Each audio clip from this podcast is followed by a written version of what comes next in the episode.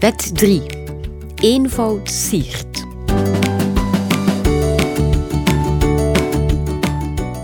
Hallo allemaal, ik ben Lieve Swinne. En als kinderpsychiater zag ik de afgelopen 30 jaar mijn werk enorm veranderen. Maar wat blijft is de vraag: voed ik wel goed op? Mijn antwoord daarop is: ouders, leerkrachten en opvoeders hebben iets in handen wat hen ongelooflijk sterk maakt, namelijk zichzelf. Die eigen mogelijkheden inzetten leidt tot kracht. Bij opvoeden moet je voelen, denken en doen. Aan de hand van zeven wetten, een aantal zekerheden die er ook voor opvoeden bestaan, maak ik dit in mijn boek getiteld Op eigen kracht duidelijk, overzichtelijk en praktisch bruikbaar. Pipi Langkous vergezelt ons. Ik heb het nog nooit gedaan, dus ik denk dat ik het wel kan.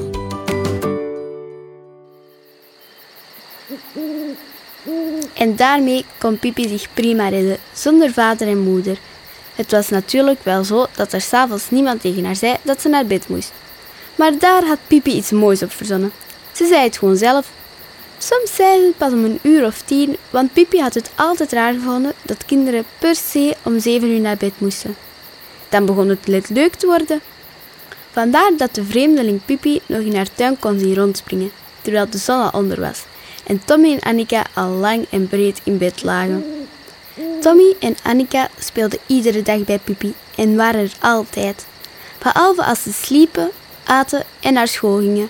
Maar nu sliepen ze al, want Tommy en Annika hadden wel een vader en een moeder en die vonden nu eenmaal dat kinderen om zeven uur naar bed moesten. Opvoeden is voelen, denken en handelen. Je mag je kind liefhebben, bemoederen, begrijpen, koesteren. Zonder actie kom je er niet. In mijn praktijk hanteer ik voor dat handelen drie basisprincipes. 1. Geduld. Vertrek van dat wat je kind al kan. Vraag zaken één voor één. Bouw op. Groeien en leren kosten tijd. Bij de een wat meer dan bij de ander. 2. Duidelijkheid. Bied structuur in tijd en ruimte, in mogen en moeten. Regels en afspraken die voor regelmaat zorgen, vereenvoudigen het dagelijkse leven.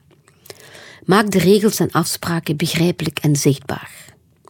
3. Voorspelbaarheid. Zorg voor een veilig kader. Kinderen die weten waar ze aan toe zijn, kunnen hun energie gebruiken om te ontwikkelen en te leren. Eten en slapen geven ouders heel wat kopzorgen. Eet- en slaapgedrag zijn dan ook bij uitstek opvoedthema's waar dit principe toepasbaar is. Leren luisteren is ook zo'n thema. Besef dat we kinderen vaak leren niet te luisteren, omdat we te veel vragen en te weinig sturen en opvolgen.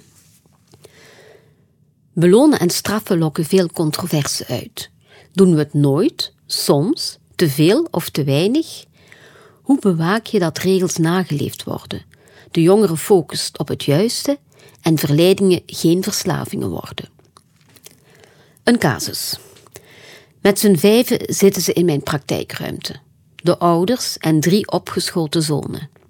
Ik volg hen al lang voor ze pubers waren. Vooraleer ik de kans krijg te vragen hoe het met hen gaat, steekt moeder van wal. Het zit daar duidelijk hoog. Ze ratelt haar klachtenlijstje af. Er bestaat voor hen niets anders als schermpjes. De ganse dag zijn ze ermee bezig. Ermee stoppen is een ramp. Je hebt gegarandeerd conflict.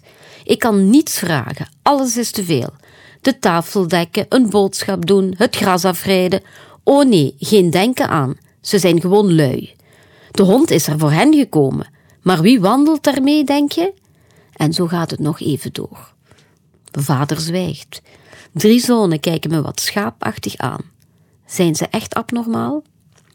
Pubers, vooral leuk op een ander. Pubers blijven pubers. Experimenteren, grenzen verleggen en erbij willen horen. Thema's die blijven. Hersenen van 12, 13-jarigen gelijken op die van 8, 9-jarigen. Op 16, 17 jaar ziet het brein er al heel volwassen uit. Dus enorme veranderingen op korte tijd. De zones die instaan voor emoties rijpen het eerst. De zones waar planmatig gewerkt wordt het laatst. Een tiener gaat dus eerst voelen, dan denken. Tieners laten hun beslissingen sterk bepalen door de emotiesturende amygdala. Het is een van de redenen waarom ze zo agressief uit de hoek kunnen komen. Het puberpijn vraagt om sturing en coaching. Zeker in een snel veranderde maatschappij is houvast nodig. Hoe omgaan met sociale media? Hoeveel, hoe vaak? Gamen kan echt een probleem worden. Wat komt er binnen? Wat gaat er buiten? Wat te denken over alcohol en druggebruik? Een liefdevolle, open relatie met je puber is de beste preventie. Experimenteert je jongeren met jointjes, 80% stopt spontaan. Maar als het misloopt, zoek je best hulp. En hashtag MeToo, je kan er niet vroeg genoeg aan beginnen. Samengevat in vijf termen wil deze wet dus zeggen: opvoeden is ook handelen. Wees geduldig, duidelijk en voorspelbaar. Rust, reinheid, regelmaat, zorg voor overleven in een wereld vol prikkels. Applaus alsjeblieft. Je bereikt meer met aanmoedigen dan met straffen. Pubers blijven pubers. Het pure brein vraagt om sturing en coaching. Roken, drinken, soms is het te veel. Signaleer en handel. En voed mediawijs op.